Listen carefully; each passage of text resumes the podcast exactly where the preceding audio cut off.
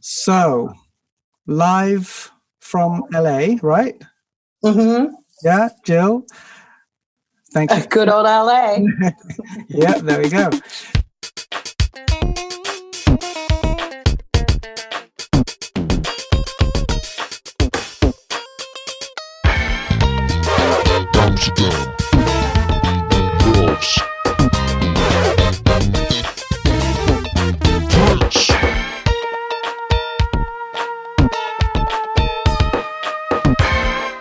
Aflevering 5, Amsterdam Love Sprint, de podcast. We zijn aangekomen bij het eh, eerste dubbelalbum van Prince, 1999. Eh, uitgekomen op 27 oktober 1982. Maar heel ver- eh, verwarrend vind ik dat hij daarna nog twee keer is uitgebracht in, in Engeland. Daar Oh gaan we het zo over hebben. Samen met Adam en Menno. Hey, hey. Hallo, hallo. Hallo, hallo. Ehm, ik begin ook even meteen met eh, eh, twee dingen die mij opvielen aan eh, vooral de plaat zelf. Is dat er voor de derde keer Root Boy op de, op de hoes staat. Mhm. Ehm, hij wilde dus volgens mij een statement maken. I'm real. En, eh, en, en, en eh, het, de hele plaat is paars. Ehm, Ook dat. maar echt paars, zeg maar. Alles is paars hieraan. Ehm, ik vraag me toch echt af wat, wat, wat dat keerpunt is geweest. Als iemand dat weet. En zo niet, Nou, dan wil ik het misschien, het alsnog paarse weten. huis, misschien het paarse huis van Adam. Maar Ja, maar hij heeft het dus wel paars geverfd in 1980. Bij een Ja. Hij, maar hij moet ooit dus een, voor, een, een, een voorliefde voor paars hebben gehad. En dat is een beetje eh, uit de hand gelopen dan. ja. Dat zijn, is, zijn, zijn daar verhalen over eigenlijk? Ik heb ze zelf niet gelezen. Maar als iemand het weet, eh, drop het in de comments, eh, zou ik zeggen. Ook dat. Altijd leuk. Eh, verder is het eh, mijn allereerste plaat van het dus album van Prince. Wat ik eh, zo goed als grijs heb gedraaid. Maar dan eigenlijk wel alleen plaat 1. Plaat 2 heb ik eh, maar twee nummers grijs van gedraaid. eh, omdat ik de rest niet zo leuk vond destijds. Oké. Nu, ik- nu ik terug heb geluisterd eh, is het heel anders. Maar destijds was het eh, ja, 1999. Wat sowieso, eh, moet je voorstellen, 1982 is het hè. Eh, en de- ik, was, ik was 15 en ehm, de, eh, alles ging een beetje over het jaar 2000, want het was nog heel ver weg. En plotseling is daar een artiest en die zingt over 1999. En toen had ik zoiets van: wacht even, deze gast stinkt dus eigenlijk muziek uit de toekomst. Dat was mijn. Dat was. Het, is, het was nog 17 jaar later waar hij over zong. Dus het, is, het was heel vreemd voor die tijd. En het was super vet wat hij maakte. Dus ik had wel zoiets van: hoe de fuck is deze gast? Wie is dit? Kan ik me goed voorstellen, ja. Ja. Het, eh, en, en zeker die tekst van, eh, van, van, eh, van, van het nummer, van de titeltrack, is, is raar. Zeker als je dat voor het eerst hoort. Zeker in 1982 inderdaad. Ja, wat, ja. wat waren trouwens, de, de, de, want je zei van, eh, van, van plaat 2 waren er twee nummers die ik eh, met regelmaat draaide toen de tijd. Welke, Ja. welke waren dat? Lady Cab Driver en International Lover. Oké. Nee, gewoon Ja. even te weten van eh, toen je 15 was in Vond ik dat, 1982. Ja. ja, ik zat gewoon nog steeds op een onbewoond eiland met kinderen voor kinderen in die tijd. Maar Heerlijk. ja. Ja, ik, ik, eh, voor mij is dit wel zeg maar, de eerste echte kennismaking. Want eh, om weer, weer dezelfde shout-out naar eh, Geronimo, eh, waarmee ik een bandje had toen ik elf was.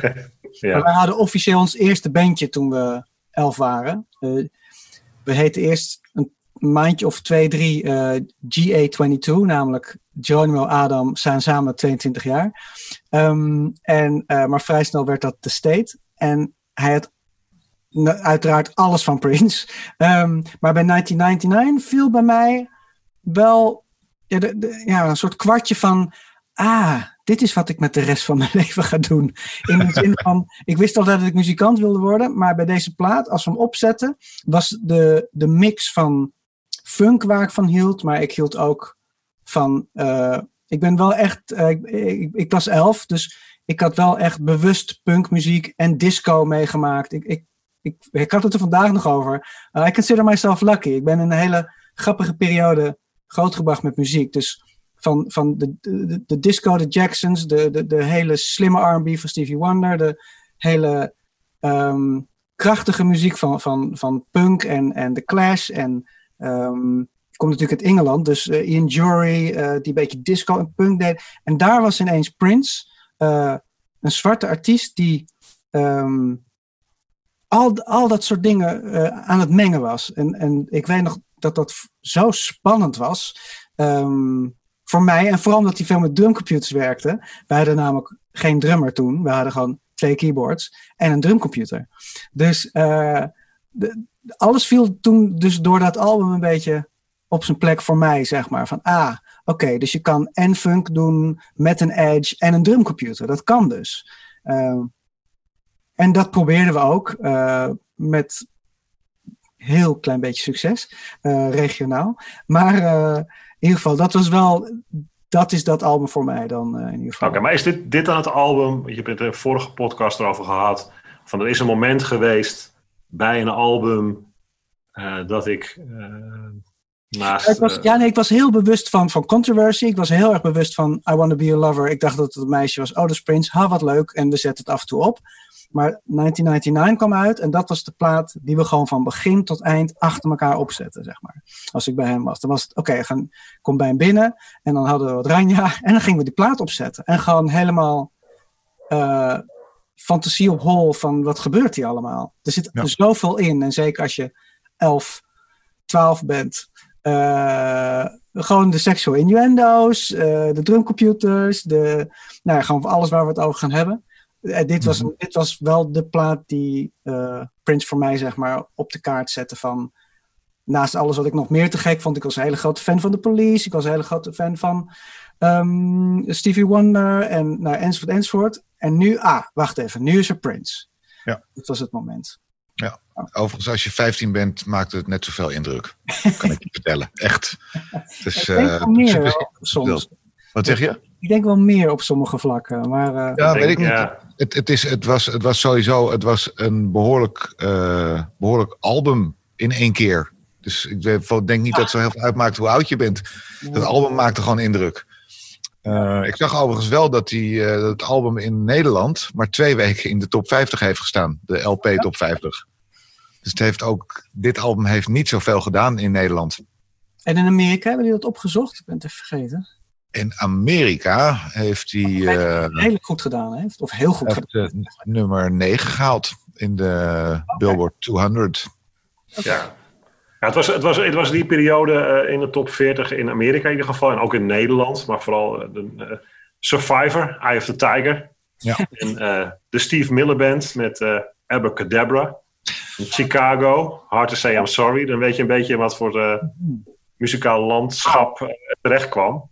Als je en, dat en, achter elkaar noemt, dan is 1999 zo anders. Ja, precies. Totaal anders. En als je dan naar, kijkt naar de Billboard R&B Singles Chart dan zit je in de trant uh, van uh, Aretha Franklin, Jump to It. Aha. En uh, Evelyn Champagne King, Love Calm Down. Ja. Precies. Dus ook totaal anders. Ja. ja. ja. Snap je nou waarom ik vond dat deze man futuristische muziek maakte? Begrijp ik helemaal. Dat, dat, er, was, er was niks anders. Er was alleen maar wat jij net noemt. Er was ja. Aretha Franklin, er was Steve Miller Band en Chicago. Een beetje gechargeerd, maar dat was er. Ja, en in Nederland stond, uh, geloof ik, uh, André van Duin met Bim Bom, of hoe heet het nummer, uh, met die uh, zo'n touwtrek. Ja. Zoiets. dat, dat, was, dat, dat was het muzikaal. En plotseling is daar een vent die zingt over 1999. Wat, dat kan niet. Je kan niet in de toekomst kijken. Maar hij deed het. Ja, ja ik, wil niet, ik wil niet op zaken vooruit lopen, maar het is wel dat als je dat nummer ook opzet en hoort en het album opent, mm -hmm. dan is het echt wel alsof er een. Ik kreeg wel een, een, een, een gevoel inderdaad alsof er een, een UFO op aarde landt. Het is echt wel een sound wat gewoon binnenkomt. Ja. Uh, Helemaal. Ja. Met die stemmen en het, ja, alles. Alles. Ja. Ja, en het hele album overigens. Ik vind, de, de hoes alleen al was indrukwekkend. Nou, je, had het, je, je, had het over de hoes inderdaad, maar um, ja. uh, de, de letter I is natuurlijk ook wel een belangrijke op de, op de platenhoes. Precies. Want daar staat in spiegelbeeld uh, The Revolution uh, geschreven. Ja. ja. Vinden jullie het op een penis lijken, die, die cijfer 1? En hoe? Erbij. ik nee, wel. Ik denk, ik, denk, ik gooi, hem er ook, ik gooi die er ook even in. Uh, That's what she said. Ehm, oh shit. Lekker hoor. en dan hebben we nog het cijfer 9, wat een, uh, een teken voor uh, androgynie uh, heeft. Oké. Okay. Teken van man en vrouw in één. Klopt. En dat staat ook in de P komen ook het man en vrouw teken voorbij. Um, nooit, echt, nooit echt mee bezig geweest met de hoes en...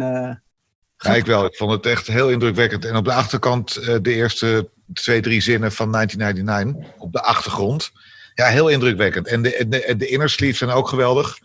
De ene foto van ja. uh, Prince met, uh, met de band op de achtergrond.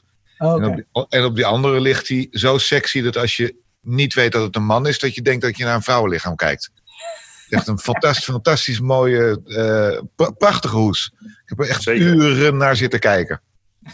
En nog maar steeds, ook, denk ik. We hebben het ook steeds bij, bij elk album over de ontwikkeling die hij meemaakt. Als ja. je nu kijkt naar de foto's, de hoes, um, vind ik wel dat het allemaal, uh, nou, ik wil niet zeggen stappen vooruit gaat. Maar de, nou ja, wel, als ik kijk naar de fotografie, denk ik wel, de vorige foto's waren ook tof. Maar hier zie je toch echt wel van, wow, uh, er is hier echt iemand bezig geweest om een imago neer te zetten. Ja. En, en uh, ja, het ziet er toch professioneler uit. Uh, vind ik persoonlijk dan in ieder geval. Ja. Het is wel heel erg uh, ethisch, dat weer wel. Dat is heel leuk. Heel veel uh, neon en rook in de foto's. Fantastisch. Ja. Als je er nu naar kijkt, ziet het er niet uit. Maar het is voor die tijd is het... nou, het is ja. helder in hè, op dit moment. Oh, is dat zo? Ja, als je kijkt naar, naar foto's en, en vormgeving en filmpjes. Dat, dat hele je ziet ook heel veel van die vloggers en zo met twee verschillende soorten AliExpress. Uh, goh, ik kan niet op de naam komen. Lampen. Zo'n zo, zo lamp wat je in het plafond draait. Het is altijd een lamp die in het plafond draait. Ja, nee, zo'n TL-buis. Zo'n TL-buis voor die, die, die van die vloggers dan omhoog houden. Aan de ene kant rood, aan de andere kant blauw. Oké. Okay. Ja, ah. rook erbij en je bent er. Um, ja, goed. duidelijk. Ja, ja. Hey, uh, dit, uh, dit, en dit is een eerste dubbelplaat, hè? Ja. En trouwens, niet te vergeten, het is een dubbelaar. Maar in 1982 kwamen er eigenlijk drie albums van hem uit. Dus je ja. had Vanity Six, die is uitgekomen op 12 augustus. Time, de tweede plaat van de Time, uitgekomen op 25 augustus. En dan 27 oktober inderdaad 1999. Ja. Dat is ook best wel bizar, want... Uh, waar je wel. Vanity Six leunt een beetje terug naar Dirty Mind Controversy qua muziek. En The Time is weer gewoon eigenlijk gewoon The Time. uh, eigenlijk ook allemaal Prince. Um, is 1999 als dubbelaar ook weer helemaal anders. Het is echt, echt, ze hebben allemaal een eigen identiteit. Um, ook al gebruikt die her en der dezelfde trucjes als in dezelfde synthesizers of drumcomputers of wat dan ook. Maar het is wel echt, ze hebben allebei uh, een eigen identiteit. En dit is voor mij dan denk ik toch de start van wat ze nu noemen de Minneapolis Sound. De, de Minneapolis Sound of de Minneapolis Funk, hoe je het ook wilt noemen. Dat begint eigenlijk hier, 1982. Oké. Okay. Dat vind ik interessant, want er is, er is best wel wat funk van ver daarvoor. Wat nu vandaag de dag ook als Minneapolis funk wordt bestempeld. Ja, daarvoor, wat is daarvoor? Nou ja, dat praten echt uh, dus uh, midden jaren zeventig. Toen, oh ja. uh, toen Prince nog in 94 East zat en dat soort, dat soort beentjes. Oké. Okay. Ja, oké, okay, maar voor de wereld is denk Ja, ik weet het niet. Ja, misschien is dit inderdaad echt naar de wereld toe. Dat het hier werd, je, werd de hele wereld geconfronteerd met de Minneapolis sound. Ja, maar misschien ook de uitbreiding van, van dus The Time, Vanity Six, straks van Sheila E. Um, maar ook Jam Lewis, die uiteindelijk zeg maar, als hitmakers ook absoluut die sound ja. hadden. Um, ja. En er waren heel veel mensen die na probeerden te doen, maar goed. Uh, dat mag altijd. Ready for the World, of een, weet je wel, uh, ja, ja. binnen schieten. Wat me te binnen schiet. Maar in principe, ja, dit, dit, voor, ja de, de stempel Minneapolis sound begint rond deze tijd in ieder geval. Ik begrijp, ik begrijp wel wat je zegt. Ik, ik, als ik een beetje naar de vorige albums heb geluisterd, daar zitten daar heel veel Minneapolis Sound uh, uh, onderdelen. Zeker, ja. En ik heb het idee dat het bij dit album bij elkaar komt. Dat, dat het, dat het, dit, dit album klinkt ook eh, heel ontwikkeld. Eens, eens. Ja, zeker. Hij was hier dus eh, f- eh, de 324, hè, toen hij deze plaat uitbracht. 23 maakte, volgens mij. Toen, maakte, toen maakte eh, en uitbracht 24, maar eh, Ja. ja. En dan dus eh, drie platen maken, vier eigenlijk. ja, Ja. ongelooflijk. Ja, deze plaat is dus weer een jaar na, na het vorige album uitgekomen. Als je het, eh, als je het nu, nu zo bekijkt, dan denk je van het is echt niet normaal. En het is nog steeds niet normaal eigenlijk, vind ik. Nee, ik blijf in herhaling vallen. Maar elke week blijf ik zeggen, ongelooflijk. Maar het is gewoon, het- elke keer ben ik weer verbaasd. Even kijken hoor, wat eh, zijn er nog voor leuke verhaaltjes over eh, het album te melden? Zijn er leuke verhaaltjes eigenlijk over het album? Behalve dat er, eh, eh, wat ik weet, is dat die toen er uiteindelijk de CD uitkwam hiervan. eh, toen paste Ja, er niet genoeg muziek op. Toen Ja, moest er een 74, track vanaf. 74 minuten. Ja, toen moest DMSR eraf. Dat heb ik, eh, ik heb de maatschappij destijds vervloekt, want dat vond ik een van de, van de vetste tracks. Ehm, later is hij er wel op, ge- op gedrukt. En, eh, en hij is als cassette eh, op twee manieren uitgekomen. Ja, En eentje met eh, How Come You Don't Call Me Anymore erop. Oh ja? Ja, ja. ja, dat is de, tweede- de, de, cassette re-release is, eh, is Ja. dat. Ja. En, en, en daar staan overigens maar negen tracks op. Terwijl er op het originele album elf tracks staan. Maar er zijn twee tracks afgehaald. Drie tracks afgehaald. En er is How Come You Don't Call Me Anymore erbij gezet. Heel, heel vaag. Ja. Ik heb nog een vraag aan jullie. Oh. Dat misschien dat iemand daar een antwoord op weet. En zo niet, dan eh, zijn er vast andere fans die dat weten. Volgens mij is eh, bij deze single releases die er waren... zijn voor het eerst dus B-sides gemaakt. Die niet op het album staan. Of albums. Ja, Bijvoorbeeld eh, de, de B-side van Delirious is Horny Toad. Maar Ja. die staat nergens, nergens anders op. Ja. En eigenlijk ook How Come You Don't Call Me Anymore. Ja, die stond alleen op een cassette, maar niet op de plaat. Dat was een B-kant hè, van eh, 19... Ja, van 1999. Ik, ik heb het idee dat, ehm, maar de, misschien horen we daar straks wat meer over, ehm, dat eh, hier begon hij door, die, door zijn, zijn Purple House studio, was hij eigenlijk constant aan het opnemen. Dus hier beginnen de, de legendes te ontstaan van, hij schrijft elke dag één, twee, drie songs. Ehm, en ik denk dat hij gewoon zoveel nummers had, dat het, dat het leuk was om een B-kantje te doen, wat dan niet op het album.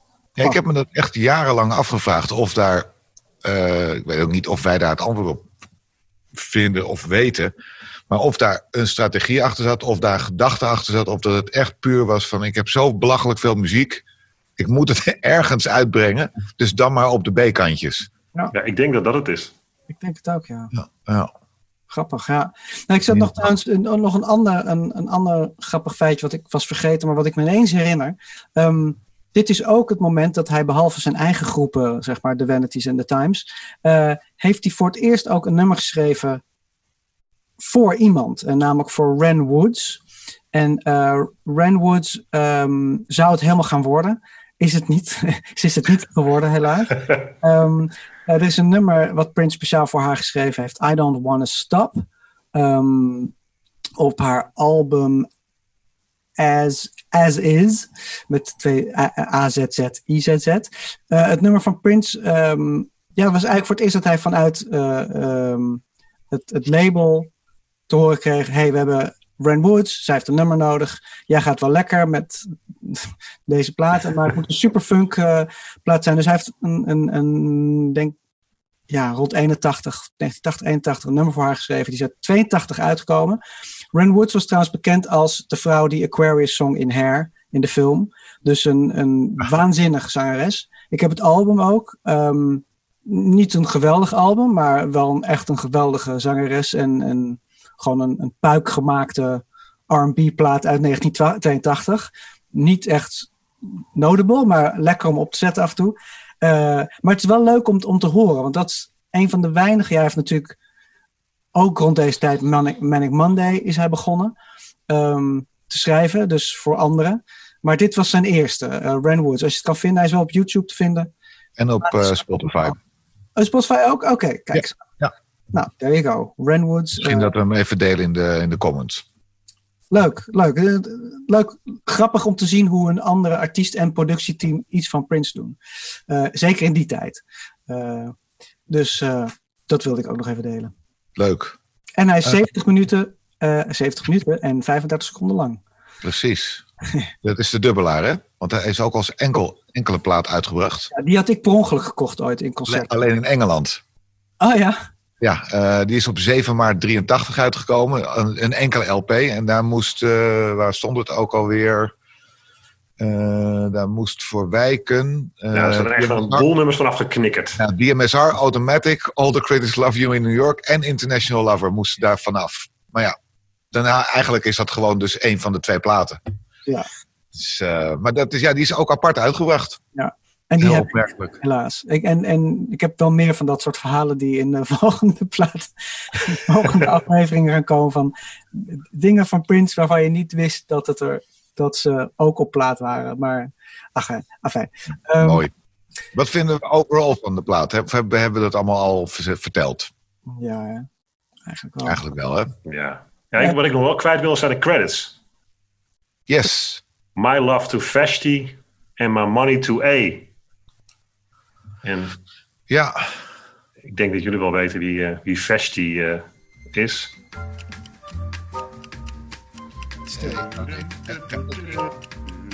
ik zou denken, Jeannie. Vanity. Co- Koosnaam van Vanity. Oh, oh, ja.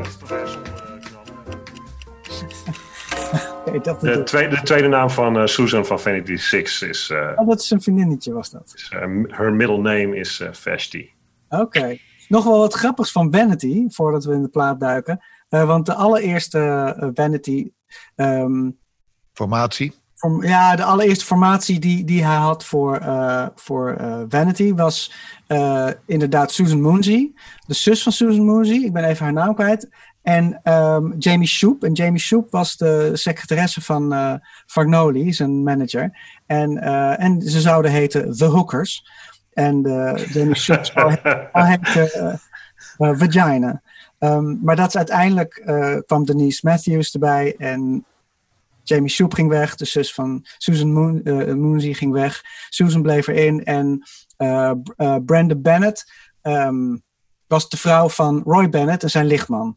En die had hij wel eens horen zingen toen ze aan het strijken was. En zei van, hey, wil jij in de hookers? En zei zo, eh, de hookers? Oké. Dus zo, zo is het een beetje gaan rollen. Eh, klein dingetje, ook, ook uit deze tijd. Dus allemaal, ja. Cool. Maar er zijn Eh, één foto van, die oude forma van de oude formatie te vinden online. En dat is best gek om te zien, omdat je zo... Het is nog steeds met teddybeertjes en, en charretels en lingerie, maar dan... Dus de, de hele feel is er, maar zonder vanity. Ja. Gek is om te zien. Maar goed. Grappig. Ehm, verder, op de, bij de credit staat All Music and Voices by Prince, except where indicated. Ja. Komen we natuurlijk straks, eh, als we de tracks gaan doornemen, komen we er vanzelf achter. Maar er is best een boel indicated. ja, ja, ja, best wel. Zullen we erin duiken? Zullen we erin duiken? Eh, kant A beginnen we bij eh, de titeltrack 1999. Ja. I was Ja. dreaming when I wrote this, forgive me if it goes astray. Begint Lisa. Dus dat is ook wel gelijk opmerkelijk. Ze beginnen gelijk de nieuwe plaat, de nieuwe richting, de nieuwe superster. Zingt niet tot ongeveer een half minuut. Eh, Des Dickerson zingt dan When I woke up this morning, could have sworn it was Judgment Day. En dan zingt Prince The sky was all purple. En dan heb je weer de purple. Precies. Ehm, het is geschreven nadat de hele band eh, in de bandbus eh, tijdens de Controversy Tour ehm, een documentaire aan het kijken was over Nostradamus, The Man Who Saw Tomorrow op HBO. Ehm, en eh, iedereen ging pitten, dus de Time en zijn band. En eh, de volgende ochtend op de tourbus zei Prince, moet je horen. En had een cassette en liet ze 1999 horen. En eh eh, bandleden van, wanneer heb je dat gemaakt? "Oh, vannacht. Na het zien van deze docu. Dus eh, dat is het, het, het bekende verhaal misschien. De, van eh, hoe, hoe dat eh, de wereld, hoe dat is begonnen. Hoe de 1999 geschreven is. Ja, het is misschien wel leuk. Op YouTube staat een, een, een soort compilatie van de hoogtepunten uit die docu-stijl film met, met Orson Welles. Oh, oké. En eh, dan zit er ook een stukje in, een, een, een eh, zwart vlak, witte tekst. Ja. En je hoort Orson Welles zeggen: In the year 1999 and seven months from the sky will come the great king of terror. He will bring back to life the king of the Mongols before and after our raids. Dus het zit ook, 1999 zit ook echt in die film. Wat tof. Gek. Uitgezocht. uh, Heel tof. ja, Ja.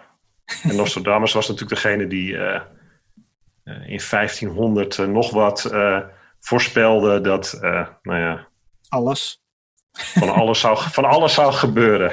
De wereld zou vergaan, toch? Nee, dat heeft hij volgens mij niet. Nee. Oh, niet. Nee, Maar- Hij heeft alles in, in, in zeg maar, ehm, soort riddles geschreven. Dat je achteraf zijn mensen die dan als een. En die zeiden: Ah, de, Ja. de Eagle and the Bear, dat was de Tweede Wereldoorlog. Of ja, met, met, wat, met wat creativiteit kom je op Hitler en de Holocaust eh, uit, inderdaad. dingen. Ja. Precies. Maar het, het grappige was nou weer het, het, het luisteren hiervan. Ehm, ik vind het zo kort. Ehm, ik, ik, toen ik eh, nog veel DJ'de, ik, ik heb heel lang gedJ'd in Dansen bij Jansen. Ehm, de bekende, eh, of misschien beruchte, ehm, Ik, studenten hoor, ik, hoor nu gelijk, eh, ik hoor nu gelijk Danny de Munk in mijn hoofd. Precies, Amsterdam is poep op de stoep, haat in de straat, je bent op je hoede, vooral s'avonds laat, dansen bij Jansen. Precies. Eh, en eh, ik, ik, ik draaide hem verschrikkelijk vaak. En ik mixte hem altijd bij dat... eh Mommy, why does everybody have a bomb?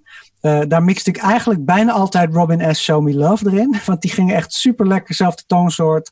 Eh, en dan ging door die tung, tung, tung, tung. En dan... Dat was altijd het dingetje, het trucje wat ik deed. Ging super goed.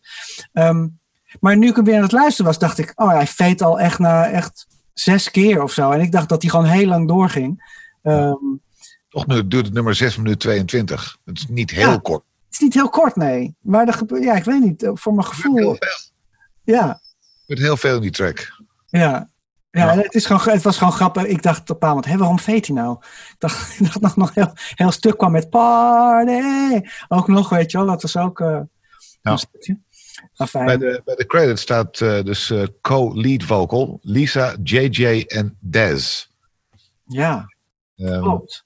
ja, Des weten we, Des Dickerson, Lisa, Lisa Coleman. precies. Maar JJ, als je op de hoes ook gaat kijken, het staat nergens. Nee. Nee. Maar wie is het? Wie is JJ? Nou, toevallig heb ik er aan de lijn. JJ, hallo. Wat? you probably talked about this a lot, but I have no idea. How how did you and Prince get to meet? We met um, on the Rick James. Well, I was singing backing vocals for Tina Marie, and then we, uh, in the middle of his tour, you know, artists go through weird phases where they're just not selling out. Right. And so the agents always try to stop that, you know, from the hemorrhaging of a tour. And uh, so we jumped on Prince's tour. I think Prince, Tina, and Rick all had the same booking agent. right. So he just moved us over. And we met in Buffalo on the Buffalo gig. It was, I don't know, December, November. I don't remember. I'm sure it can be easily looked up. But um, we met, the first meeting was in the hallway. Uh, we were, had just finished our set. And I remember the stage was so incredibly small, the section that we got because we were the opening act. Hmm. And as I passed him, they introduced, you know, him to Tina, of course. And I was in the long line of all the band, our band and his band. And I was like, oh, he's the reason why we have such a small stage. Or some, I made like these really, really quip little nasty comment. And he looked at me and I was like, thanks for the size of this. Thanks for the stage it was really small. Like it was, we were like pushed almost to the edge of the front of the stage. Right.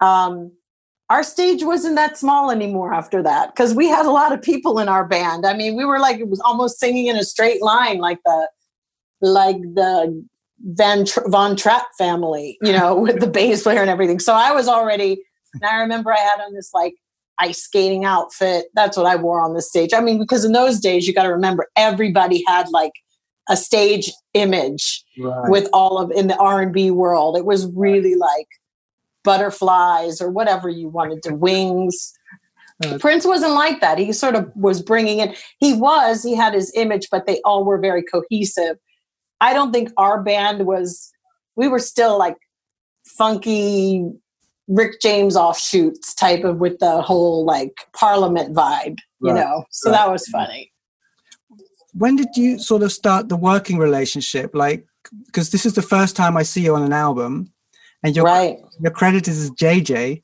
Was Mhm. was that a name that you gave, or did he give you that, or was that? He did. Sort of- He did because he said he wanted to slowly introduce me. And um, I had, we started officially working together in 82. Right.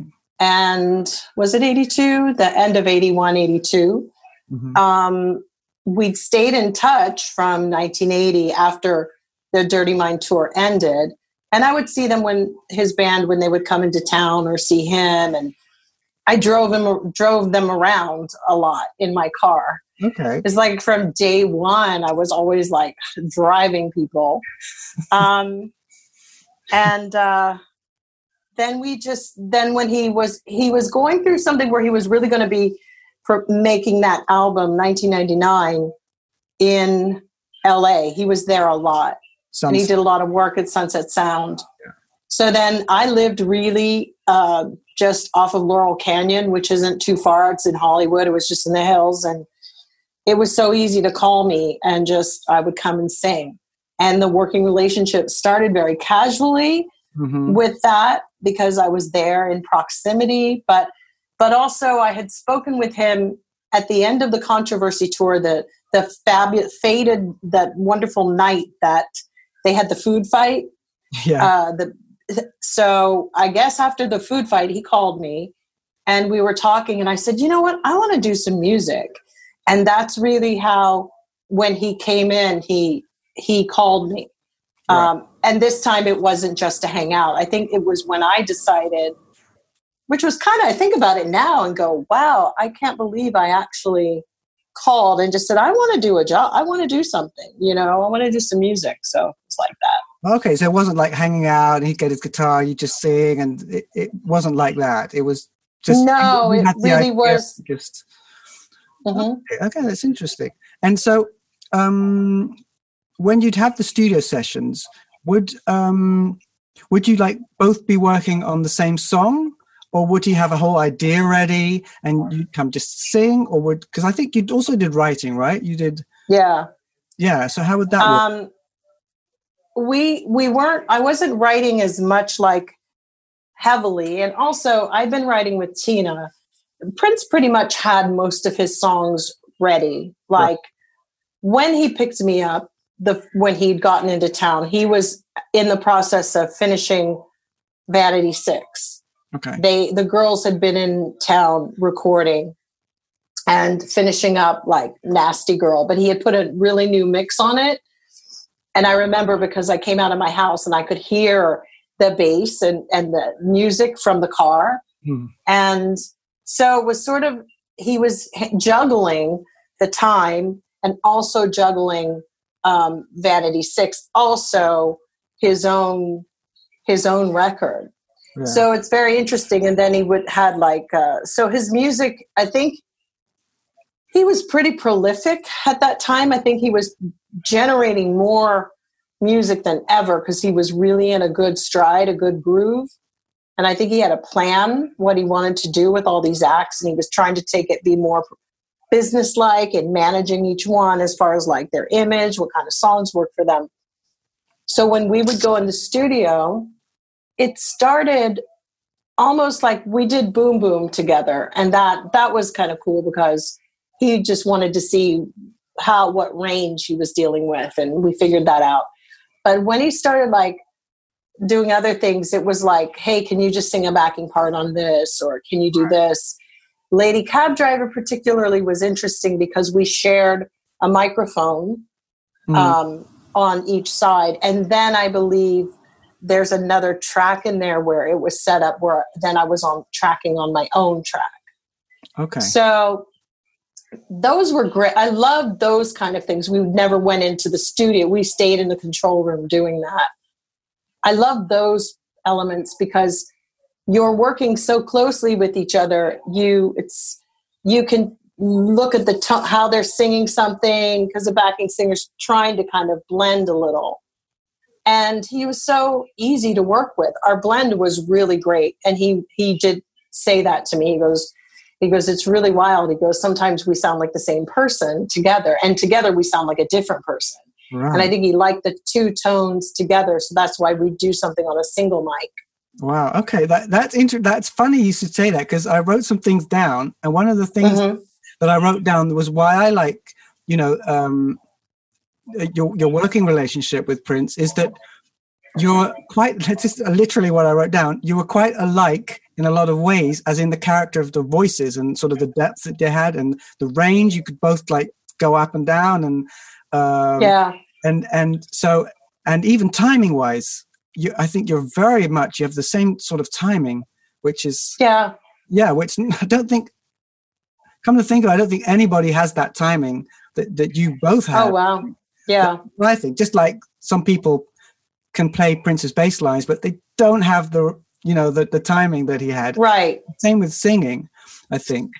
Um, so he like two faces of the of the same coin. That's what I wrote down here. Yeah, that's funny because I've I've thought not many people have noticed that, but I've often thought that because it's the process was pretty effortless. I mean, and you know, I, I think he was fun to work with because he also loved trying new things, daredevilly, or you'd sit there and go, "Hey, what about this?" And it it was sort of like you're on equal footing.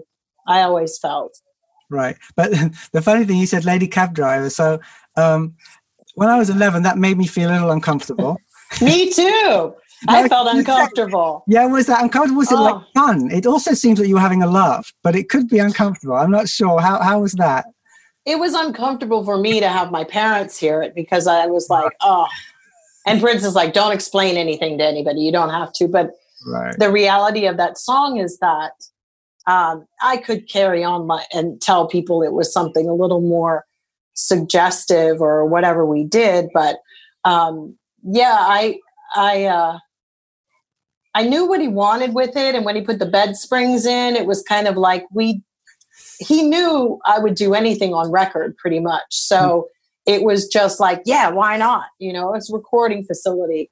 But on that particular song, I had him uh, leave the control room Okay. Because I was like, he did that on some of his private stuff, you know, like in the water, something in the water and stuff. He was, uh, you know, at the control. I guess he had Peggy set him up and he did his stuff. But yeah, I was like, for this, okay, there were some parts of it I was like, you have to leave because it's just like I had to. And I and I punched and recorded it myself, the whole thing. Oh, really? And when he came, yeah. yeah. And when he came back, he was like, he loved it. And he because it was still like what is she going to do? What what? And that's what it was. So he loved it. I remember what i always remember when he was really happy and he loved something and he thought it was brilliant he would grab like his stomach and just like bend over and laugh and just be like oh man i love this. So right. it was those were really good times because i think we kind of inspired each other and i you know and and surprised each other too Right, right. And so I was just trying to think of how many songs uh, after 1999 mm-hmm. must have been hundreds you worked on. There are, and it and a few have come out, and sure yeah. things that I thought he would never release this. But now that he's not here, we weren't thinking in those days like when you're not here, somebody might just take this stuff and release it. Yeah. Um, that's always shocking because then I, I've been trying to like keep a list. Dwayne Tudall, who wrote a book about trying to chronicle every song of Prince's in the vault. Yeah. Um, tried to jog my memory with things, and if they have tapes, they would send something to me and say, "Do you remember this?" I go, "Oh yeah, I remember." My concern always and within all of it because he would have different requirements for each song, maybe a different voicing, maybe he wanted somebody else on it for me, it was always like, well, what is included in the final mix? Because Prince could do very different mixes on something. Right. Didn't necessarily mean I'd be in the mix, Mhm. but definitely on like Shakadelica. Mm. Um, that that was like one that I was like, oh wow! And then he would start songs like in 1982, but they wouldn't be completed until like 86 Right.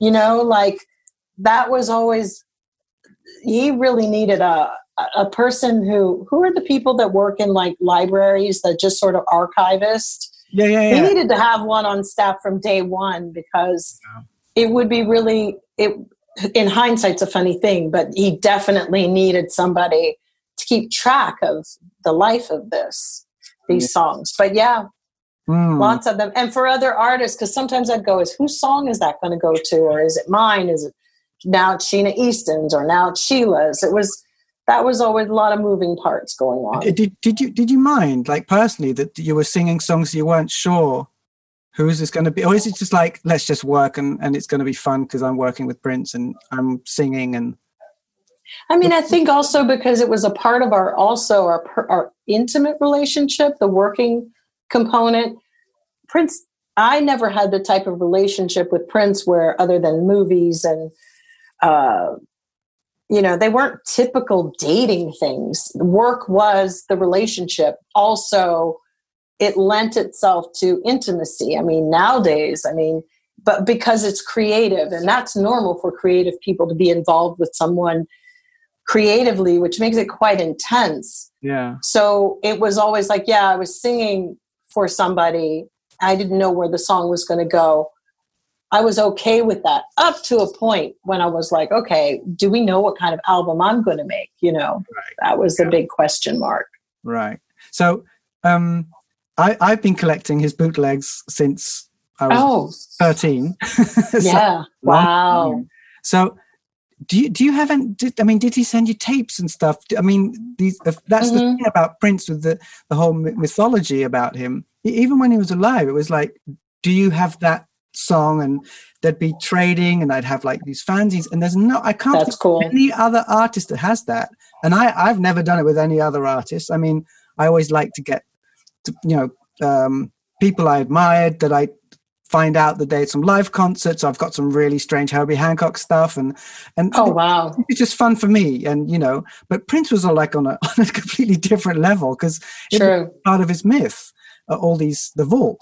So, right do you have like a a, a like a, a collection collection, a cupboard with just tapes of stuff and I have, I had some, but um, in like '87, I had a really bad fire in my house, and it burnt down, and um, I lost a lot of things in that fire. okay, Um, yeah, that was pretty bad. Uh, so I did, I do have things that I've salvaged, but and and I kind of always looked at whatever survived it was meant to be in the long run Mm. but um, yeah, it was really, you know, my equipment, every, it was really a bad fire. I mean, it was just horrible.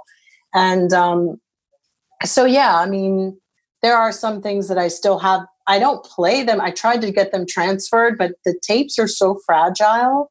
right, If you hit it with, you know, it's like you put it on an old cassette. If the heads are dirty or whatever, it can just kill it. So I've always been a little bit Mm, nervous mm. the estate has asked me a lot for some things and i just keep telling them i don't have anything Okay, well, I won't. We're not in contact with you. we, won't, we won't pass along your secret. i think some things should just stay mine you know and yeah. i don't know it's kind of weird mm mm. Well, the the last one, last little question I had, as we're talking about 1999, what what's your favorite track off the album, with or without your voice on it?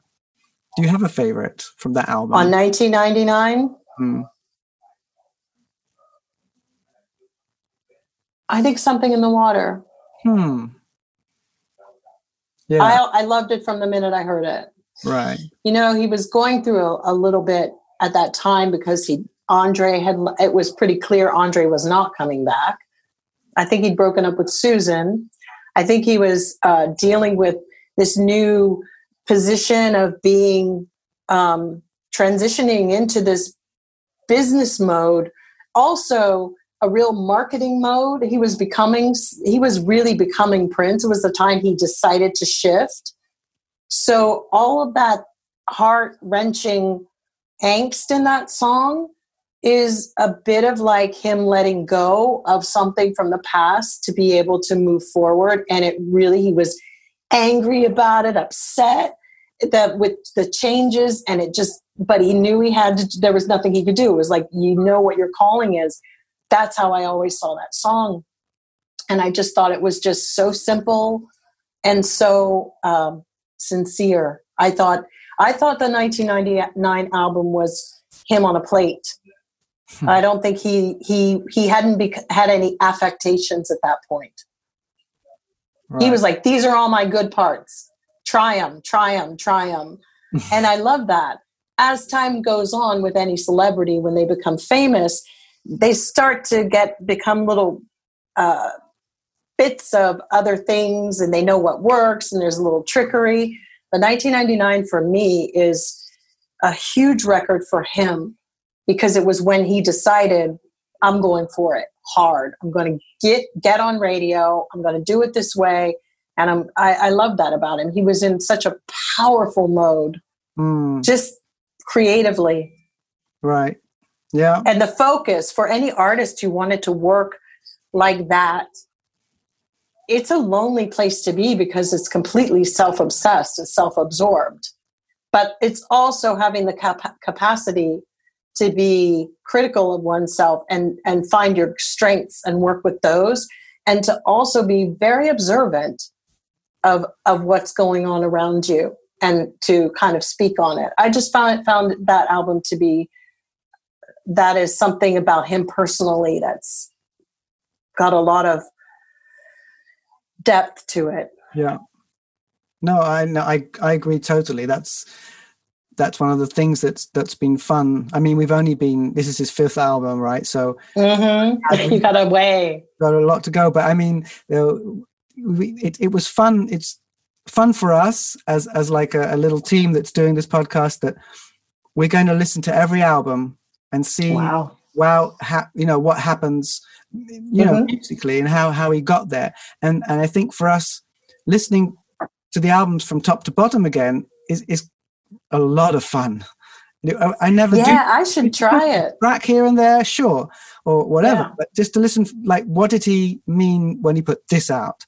Uh, yeah, and it's really interesting. And and and we were talking about it, and and for us, like the 1999 album is when all the little bits sort of clicked like that, and then um, they did. Yeah, and that became like his sound that like mm-hmm. created from all the little bits of the disco of the of the first two albums, mm-hmm. the new wave rude boy from that album, the right. It, it, all it all and then 1999 was like, okay, this this is Prince, this is who I am, and then now we're going to yeah. go forward. So that was sort of. And he knew 1999 was going to do well. I actually wasn't that convinced. It's so funny with that song. I was always like, mm. I don't know. It's so because my taste level tends to be a little more obscure and and I'm not like listening to top radio. I was not never really, you know, whatever. Hmm. But for him, you know, I'm always like, why can't you put something in the water out? You know, but obviously not. But 1999 was a little apocalyptic, and as Jerome Benton called me yesterday, two days ago, okay. and had me cracking up because he said, "You know what, Jill? He goes, I sometimes think right now, what would he be doing right now during all of this? He'd be writing like crazy. He goes, and the fact that you two had just come gotten close again, he was like, hmm. you know, y'all would have been writing like I said, he goes, some apocalyptic shit, like you always talked about that stuff. And I said, Did we really talk about it? He goes, and he went on like, Yeah, sometimes I had to leave. I was like, Yeah, we were a little bit of doomsdayers, you know. So it was funny for him to to bring that up. And um because yeah it was like 1999 that was his he always had some political something on a record. He had to commit to that. Right. But yeah we were definitely thinking uh, watching nostradamus there was a movie. Right. And it may have triggered some things because he was writing it in the middle of the night so. Yeah. There you go. Uh-huh. didn't stop well, um, thank you so much. Thank you. Nou, uh, dankjewel Jill. Um, Tering, hallo. Sorry, ik mag niet schelden natuurlijk. Of wel. ik, uh, lekker gedaan, uh, Adam. Ja, Tof. dit is een cadeautje. Een cadeautje. Dankjewel, Adam. Graag gedaan. Echt heel, heel tof. En, en Jill natuurlijk ook bedankt. Precies. ja, nou ja, um, oké, verder, hè? weird is dat. Um, het nummer was trouwens niet een hit, hè, gelijk. Um, als eerste single. Het deed het oké. Uh, maar het was eigenlijk uh, het nummer twee op de plaat, Little Red Corvette, wat eigenlijk echt de doorbraak was. En daarna heeft het de status van ja, wat 1999 is, de Ultimate Party Track. Uh, iedereen denkt dat het wel een van zijn grootste, zijn grootste doorbraakhit uh, was, maar dat was niet zo. Het was Little Red Corvette. Maar uh, ja. 1999 stond wel nummer 1 in de Billboard Dance en Disco Top 80. Okay. En nummer 13 in de Nederlandse top 40. Wow. En dat, is best, dat is best hoog. Black Singles. Ja. Ook nog nummer 4 geëindigd. Dus het, is, het heeft niet heel slecht gedaan, maar... Ja, het, was, het was ook de eerste videoclip van Prince op MTV. Dus het, is wel, het is, hij heeft toch wel wat uh, gedaan. En in die tijd was een zwarte artiest op MTV... Dat was wel, mm. dat was wel een, een, een ding. Want het was voornamelijk allemaal blanke rock met heel veel witte mensen. En Rick James is daar heel boos over geweest. En, uh, het, het, ja. en Prince heeft, uh, als ik weer even een versus doe, maar Prince was toch eerder op MTV dan Michael Jackson. Ja. ja. Want daar hebben we hem weer. Bruce Gowers, die Britse regisseur, voornamelijk bekend van grootschalige live muziek evenementen op tv. Die heeft ja, van het vorige album clips gedaan, maar ook, ook deze nog gedaan. Ja, voor de rest is het weer mm -hmm. Prince met een band die doet alsof het een live optreden was. Mm -hmm. Ja, wel de eerste videoclip van Prince op MTV. Dat ja, dan... wel weer Bruce. Ja, wel weer, ja, wel weer, wel weer Bruce, ja. En dezelfde dag hebben ze meerdere clips opgenomen. Is die Little Red? Nee, dat lijkt me niet. Nee. Want, Automatic is Oh, oké. Okay. Ja, ja, oké. Okay. Bedoel ik. Ja. Ik, ik bedenk, ik had nog een grappig feitje, uh, weer via, via boeken en dat soort dingen. Prince gebruikt uh, bij dit nummer 1999 een Wawa-pedaal, een Wawa-pedaal. Ja. Uh, hij had die geleend van Jesse Johnson. That's it. Automatic was overigens een, alleen een single in Australië. Oh, okay. jij, jij riep met de andere single Automatic is ook als video toen opgenomen. Mm -hmm. Mm. Maar ik heb trouwens niet uh, gekeken hoeveel er, bedoel, hoe goed het ging met Little Red Corvette. Maar het, het, het, beroemde verhaal is dat ze aan het toeren waren met de 1999, met de Triple Threat Tour eigenlijk, was dat. Met um, dus Vanity en The Time and dan Prince. En dat toen tijdens de tour, het staat heel mooi beschreven, omschreven, beschreven in het boek van uh, Duane Tudal over um, de uh, Prince, ik heb hem transformen. Prince in the Purple Rain Era Studio Sessions. Dus eigenlijk wordt er vanaf 1 januari uh, 1983 tot 31 december 1984 elke dag beschreven wat Prince deed en wat hij opnam en waar hij was. En er staat als de, dus dat in het begin van 83 um, uh, Little Red Corvette ineens ja, gewoon ook op de, de, zeg maar de blanke radio kwam, op de rockstations. En uh, ineens het publiek ook veranderde. Van uh, gewoon meer blank, ja. gewoon meer middle of the road, meer kids, meer. Omdat het gewoon Little Red Corvette werd tijdens die tour uh, een enorme hit voor, voor Prince. Wat vinden jullie eigenlijk ja. van Little Red Corvette?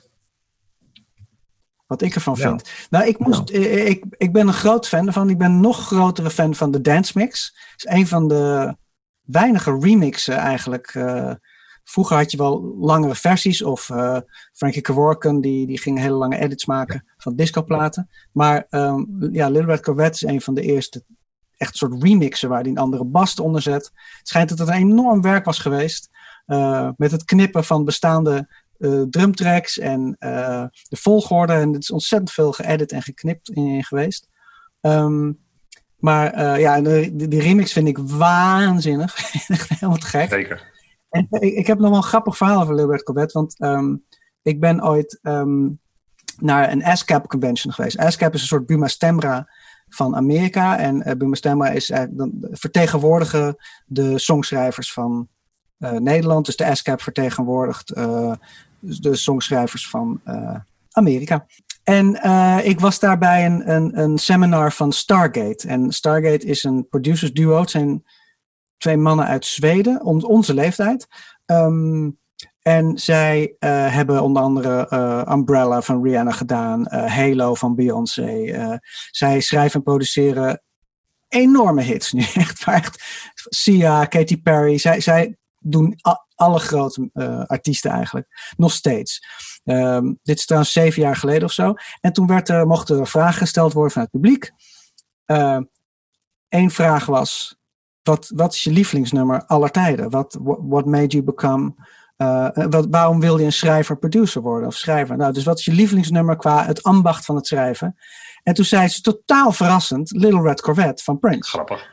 En um, zij legde uit en toen dacht ik, oh ja, nooit zo bekeken. Zij hebben dus blijkbaar um, uh, dat nummer zo uitgepluist. Het is eigenlijk heel simpel, maar ik was er nooit opgekomen. Zij zeggen, uh, waarom dit nummer zo verschrikkelijk goed is, is omdat de akkoorden meegaan met de zangmelodie. Dus alles versterkt elkaar. Dus het is uh, Little Red Corvette. Dat zijn drie akkoorden en drie zanglijnen, uh, één zanglijn met drie noten. En door die simplisme komt het zo hard over op, uh, als, als luisteraar zijnde, dat, um, dat zij dat ook hebben gebruikt bij, niet altijd, maar ik bedoel, zij, zij gebruiken dat als groot voorbeeld van ambacht van een goed nummer, akkoorden, melodie erop, pam, pam, pam, pam. Alles is hetzelfde.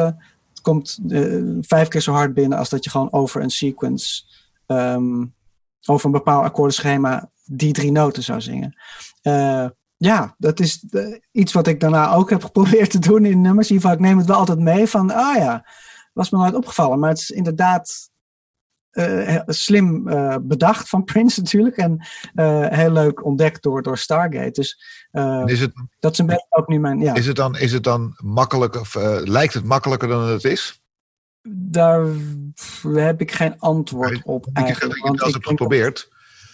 Nee, nee, ja, nee, maar ik denk, ik denk, ik, ik heb geen idee. Maar het, het, is, het is grappig aan de ene kant om nummers helemaal te analyseren en te kijken waarom werkt dit.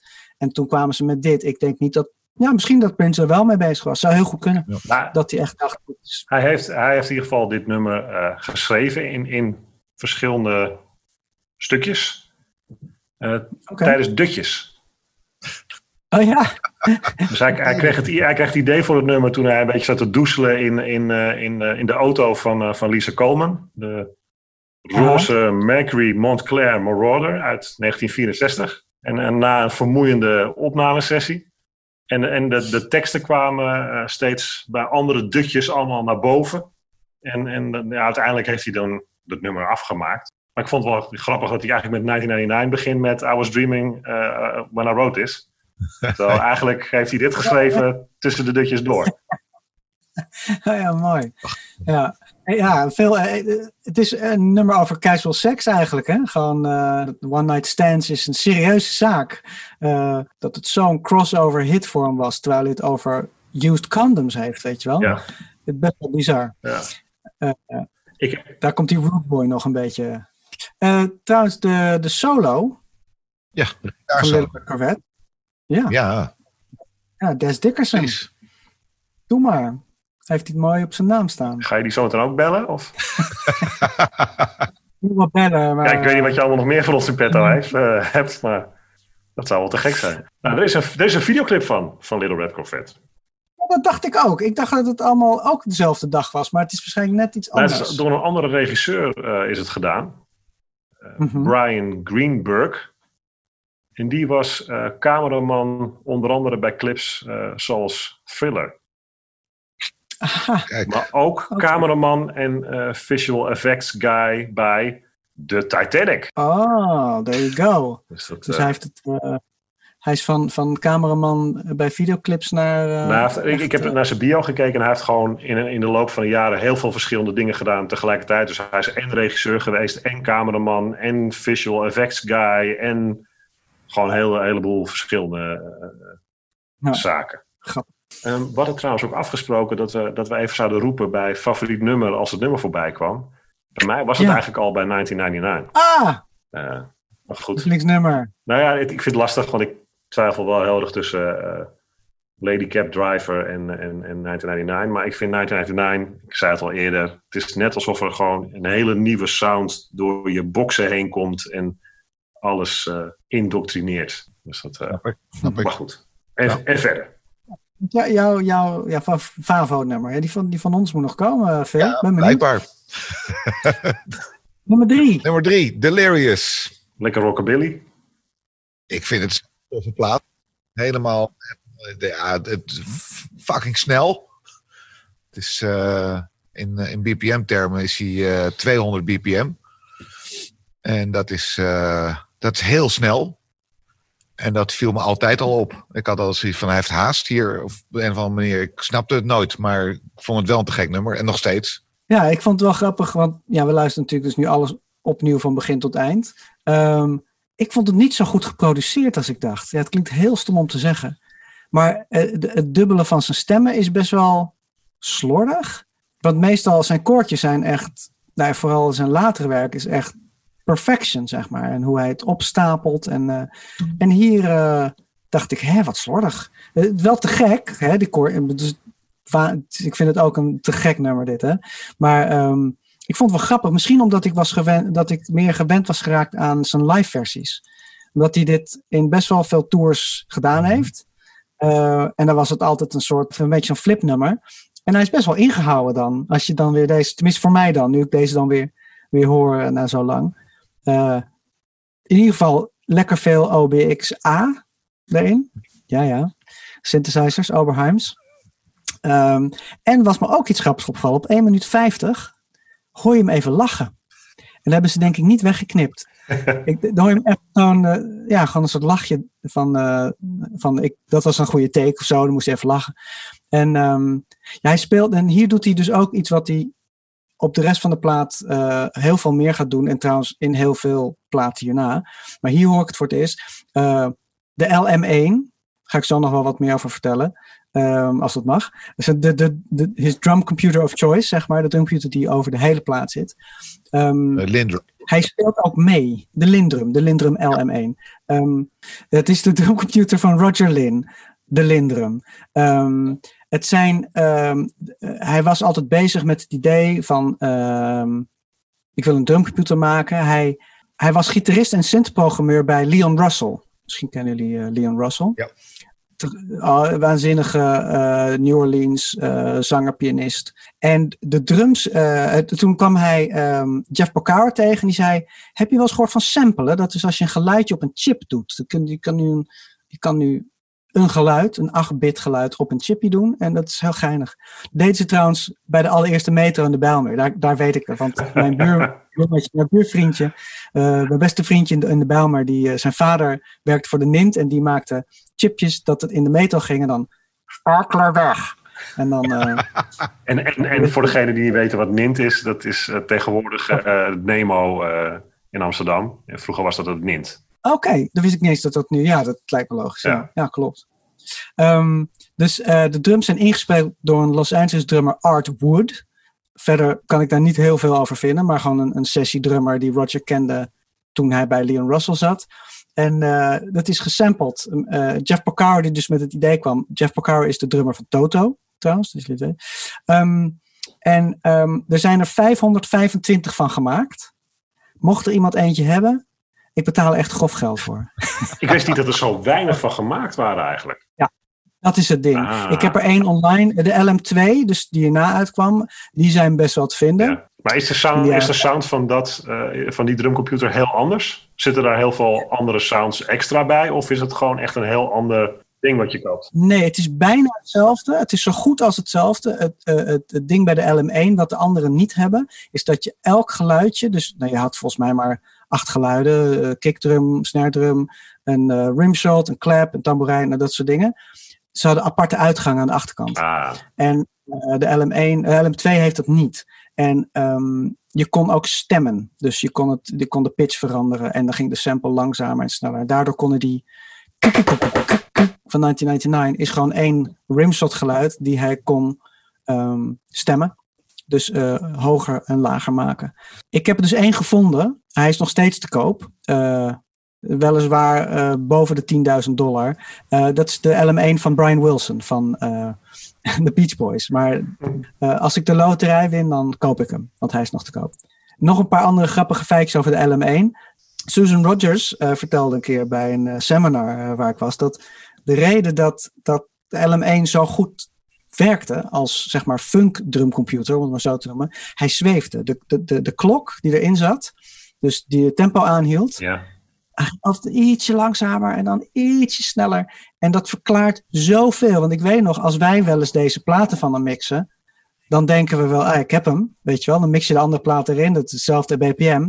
Nee, ook bij 1999 moet je altijd een beetje bijsturen aan het eind, want die drumcomputers die gaan dus net ietsje langzamer. Wat wel heel erg funk is. Precies. Is dat is alsof gewoon... er een live drummer zit te drummen. Dat Zo goed al. Te gek. Ja, ja. Te gek. En nog, en nog een laatste feitje, wat ik heel erg grappig vond, uh, van het album van The Time, uh, 777-9311.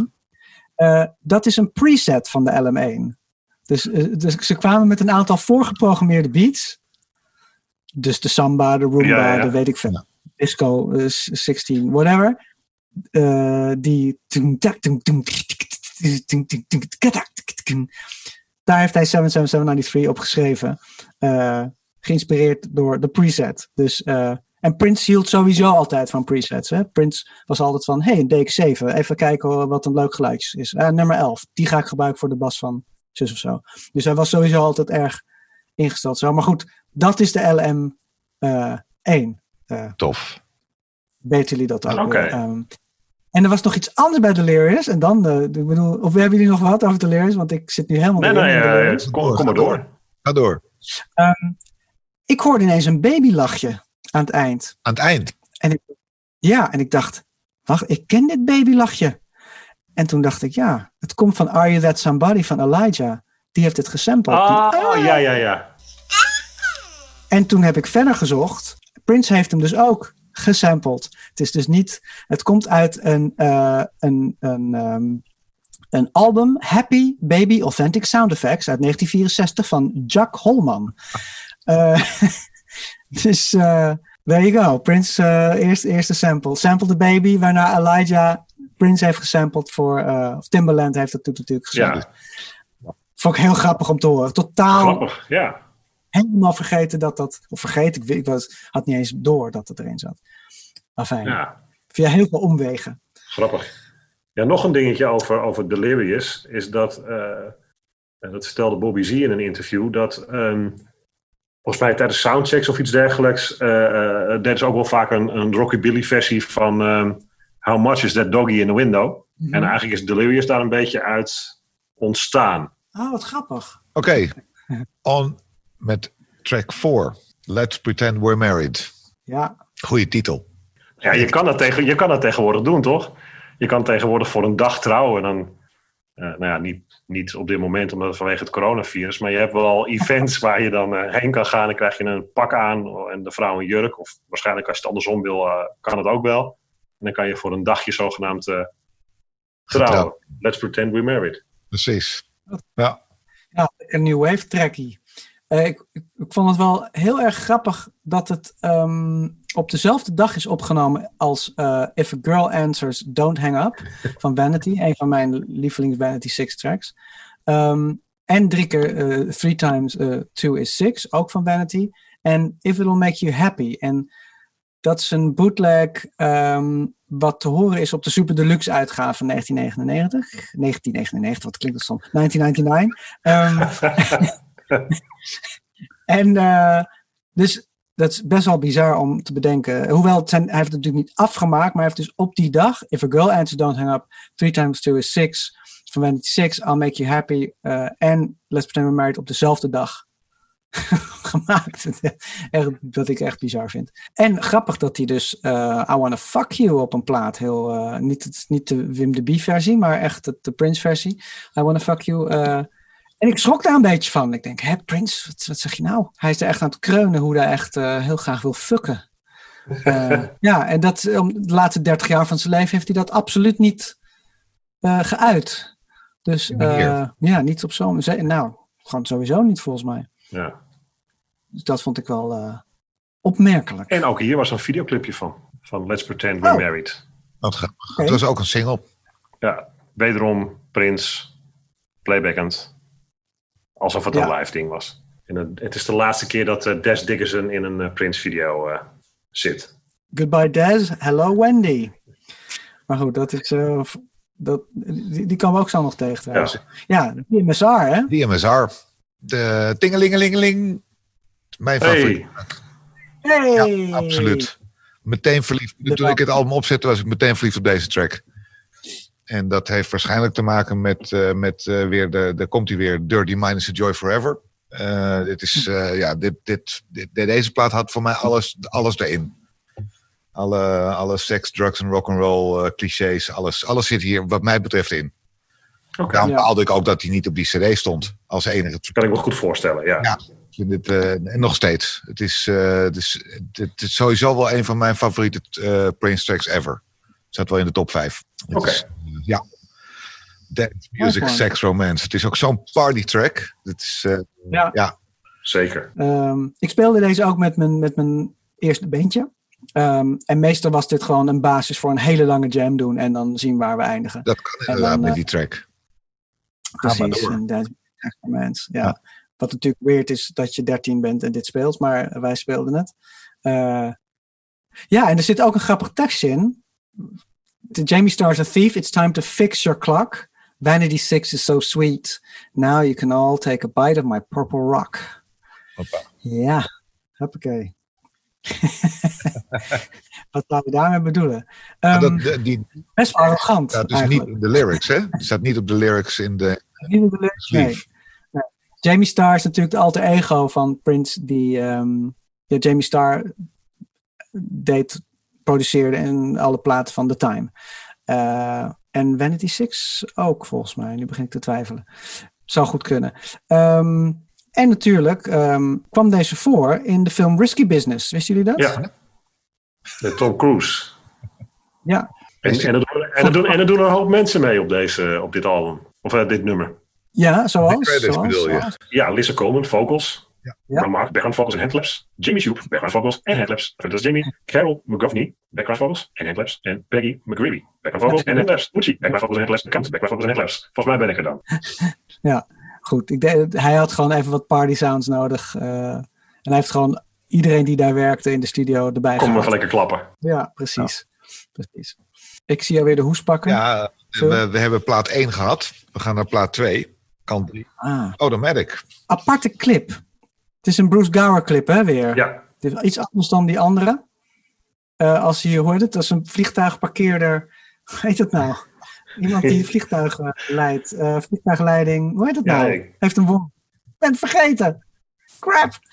ach ja, ik kon net niet op een TL-buis komen, maar goed. Precies, een vliegtuigparkeerder noem ik het maar. Die niet een vliegtuig naar binnen haalt in het, op het vliegveld, maar een bed. Er zijn heel veel verwijzingen hè, dat een, een, een, eh, met bedden als kok symboliseert. Of nee, een cockpit symboliseert een bed. Of een vliegtuig symboliseert een bed. Of, het komt best wel vaak voor. En dus nu ook in de clip Automatic.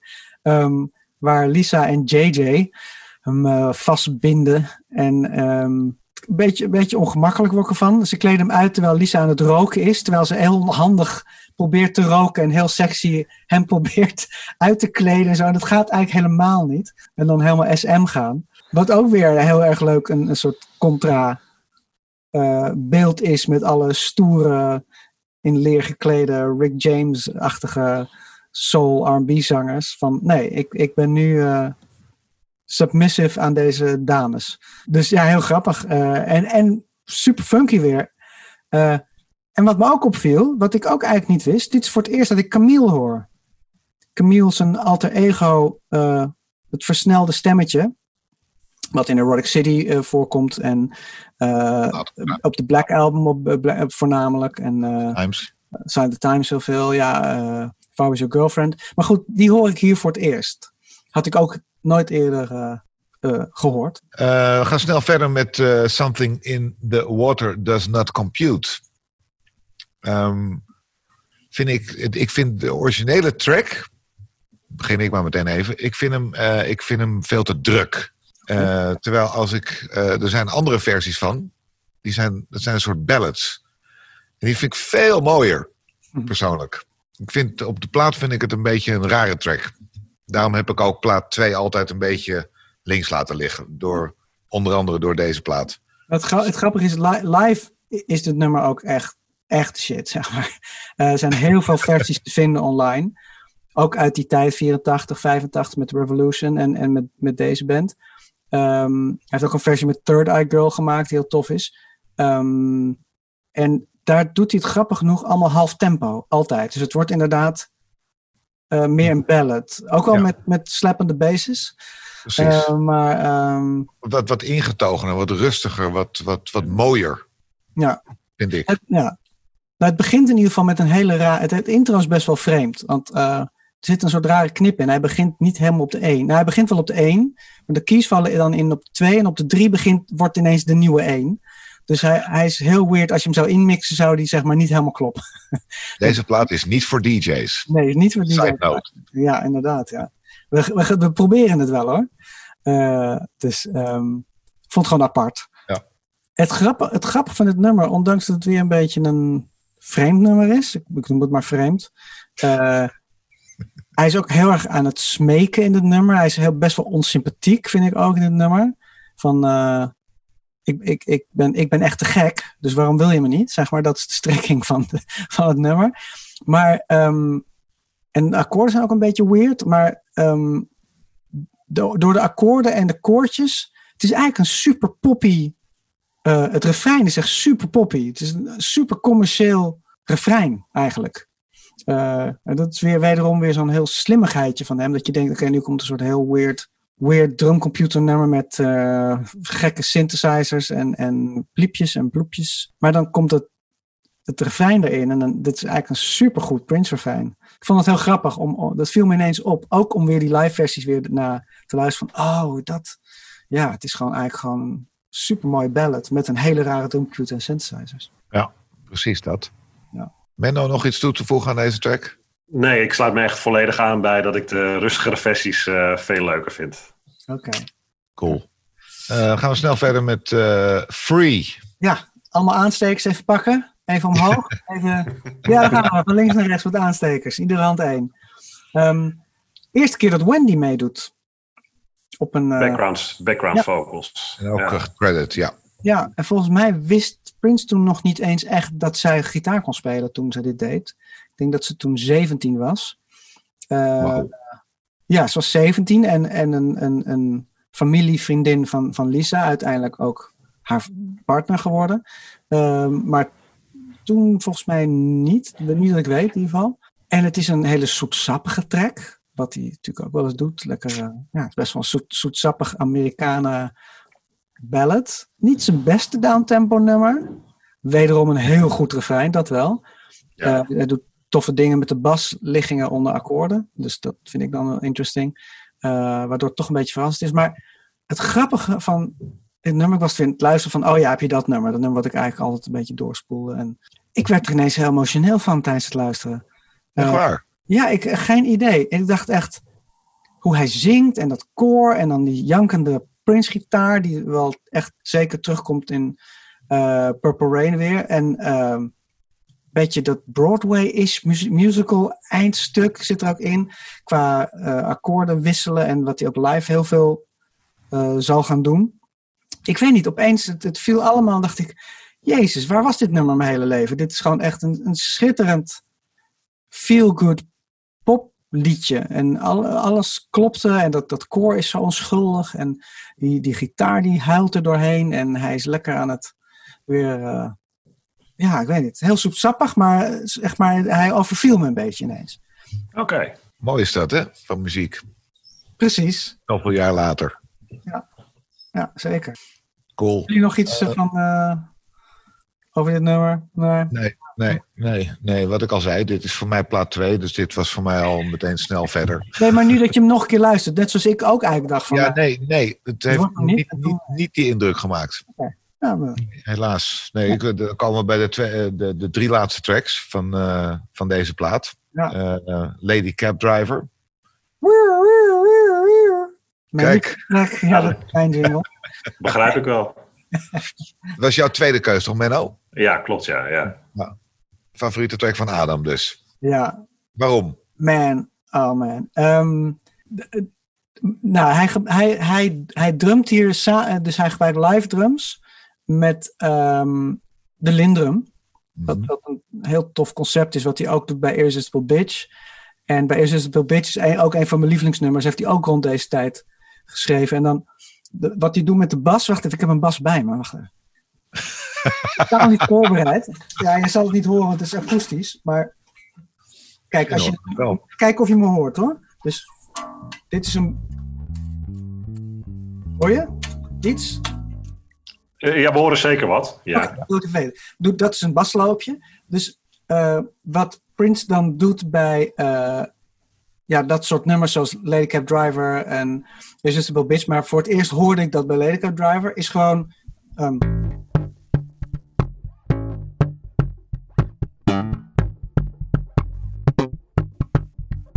kan nu heel slecht bas, want hij, hij staat heel weird voor de microfoon omhoog. Maar nou ja, goed. Hij, hij, hij is aan het thumpen. Dat is iets wat Terry Lewis ook heel veel deed.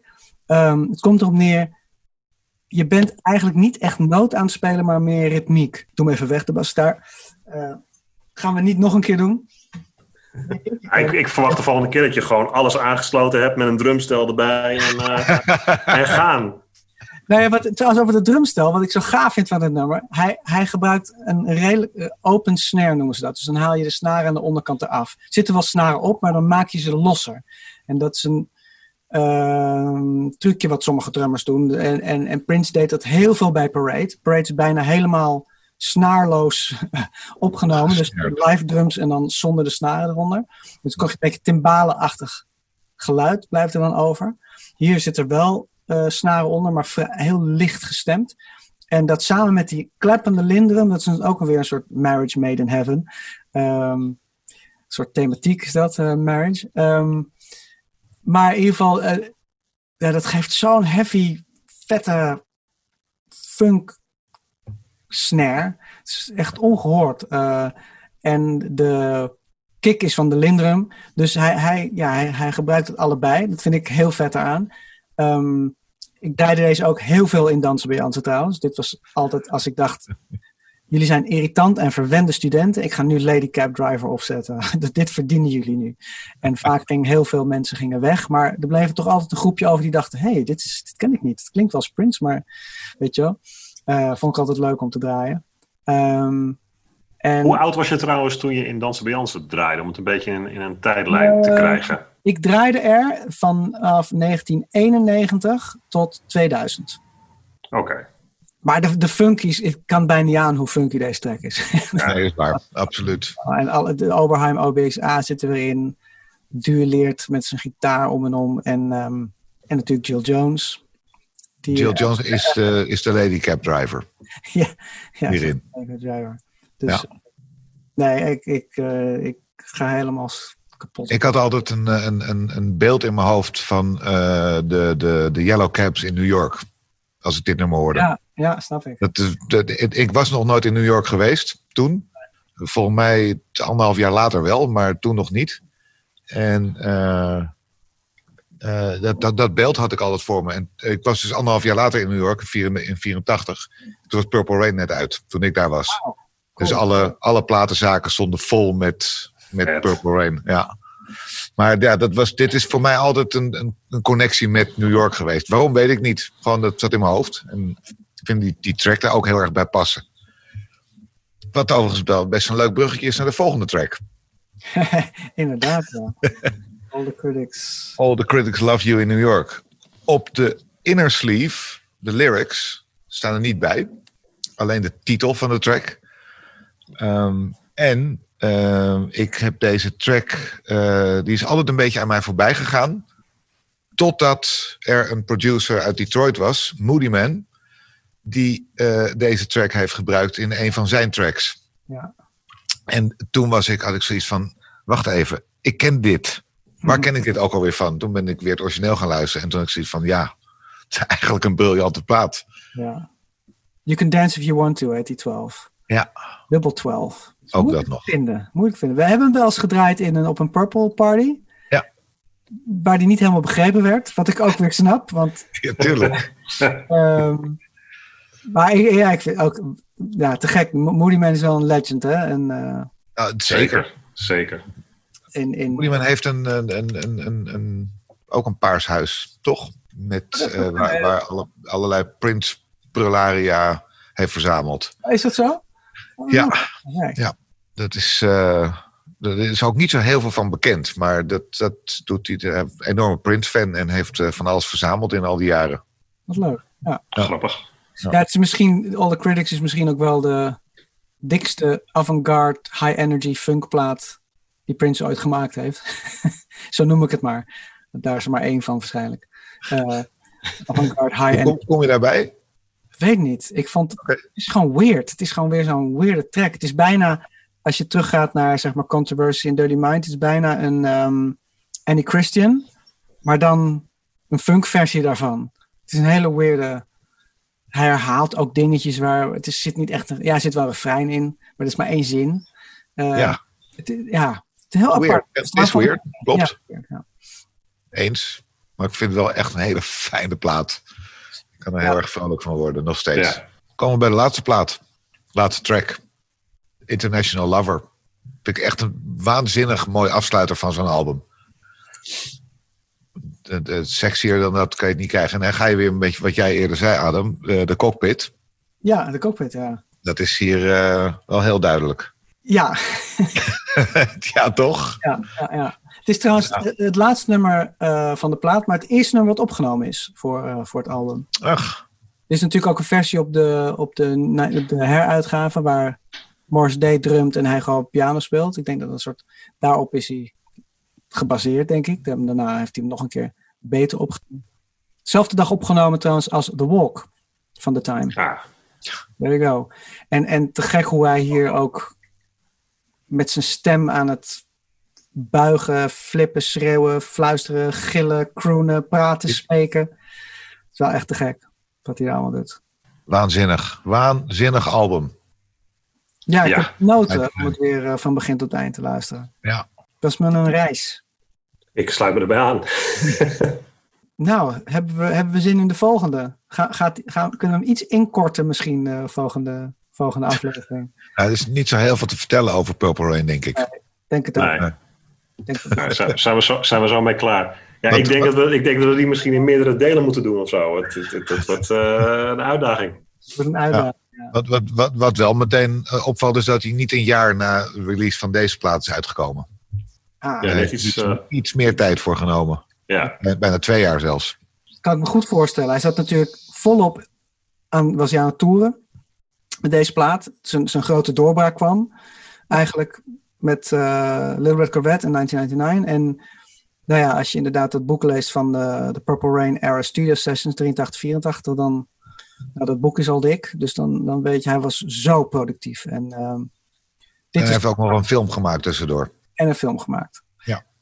Nou, we zullen, we zullen elkaar eh, volgende week weer treffen. Zeker weten. tot volgende week. Yeah. Tot de volgende.